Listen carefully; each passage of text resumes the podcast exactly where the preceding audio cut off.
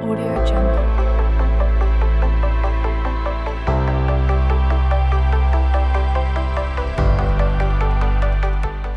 Getxo jasa jaialdia ekainaren hogeita marretik ustaianen laur arte izango da. Jasaldiaren berrogeita laugarren edizioa musike barren eta bihotza lai plazan ospatuko da.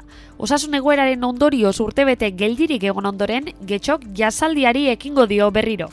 Ekainaren hogeita marretik ustaiaren laura bitartean bizkaiko jaialdiak Euskadiko jasaldiaren zirkuitua irekiko du berriz ere egungo egoerara egokitutako programazioarekin.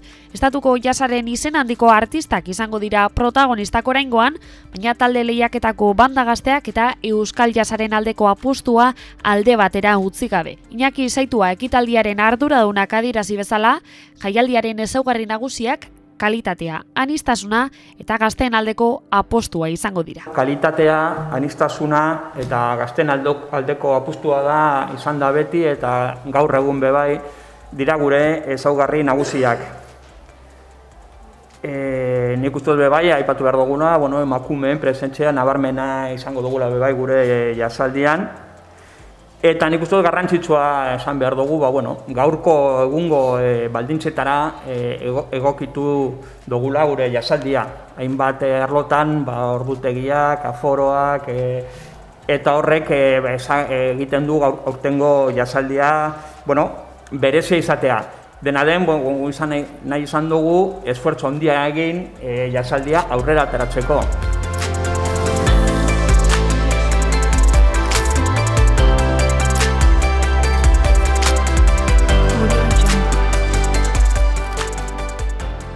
Musike barri zentroa jaialdiko kontzertu nagusiak hartuko ditu zazpiretan, baita talde lehiaketa ere, aurten goizeko ordutegira pasako dena. Horrela leian jardungo diren lau talde Europarrek emanaldia eskainiko dute ordu batetan.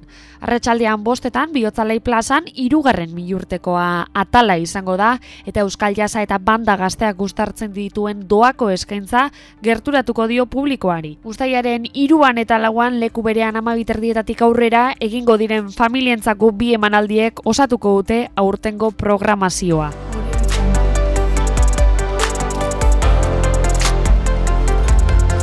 Getx Jazz 2008 bateko kontzertu nagusiei dagokienez Javier Kolinak irekiko du aurtengo edizioa. Javier Kolina Europako egungo kontrabaxu jotzaierik ospetsuenetariko bat da eta ezinbesteko pieza erritmiko bilakatu da fusio latinoetatik gertu dagoen edozein talderentzat. Dena den informazio gehiagorako sartu getxo.eus webkunean.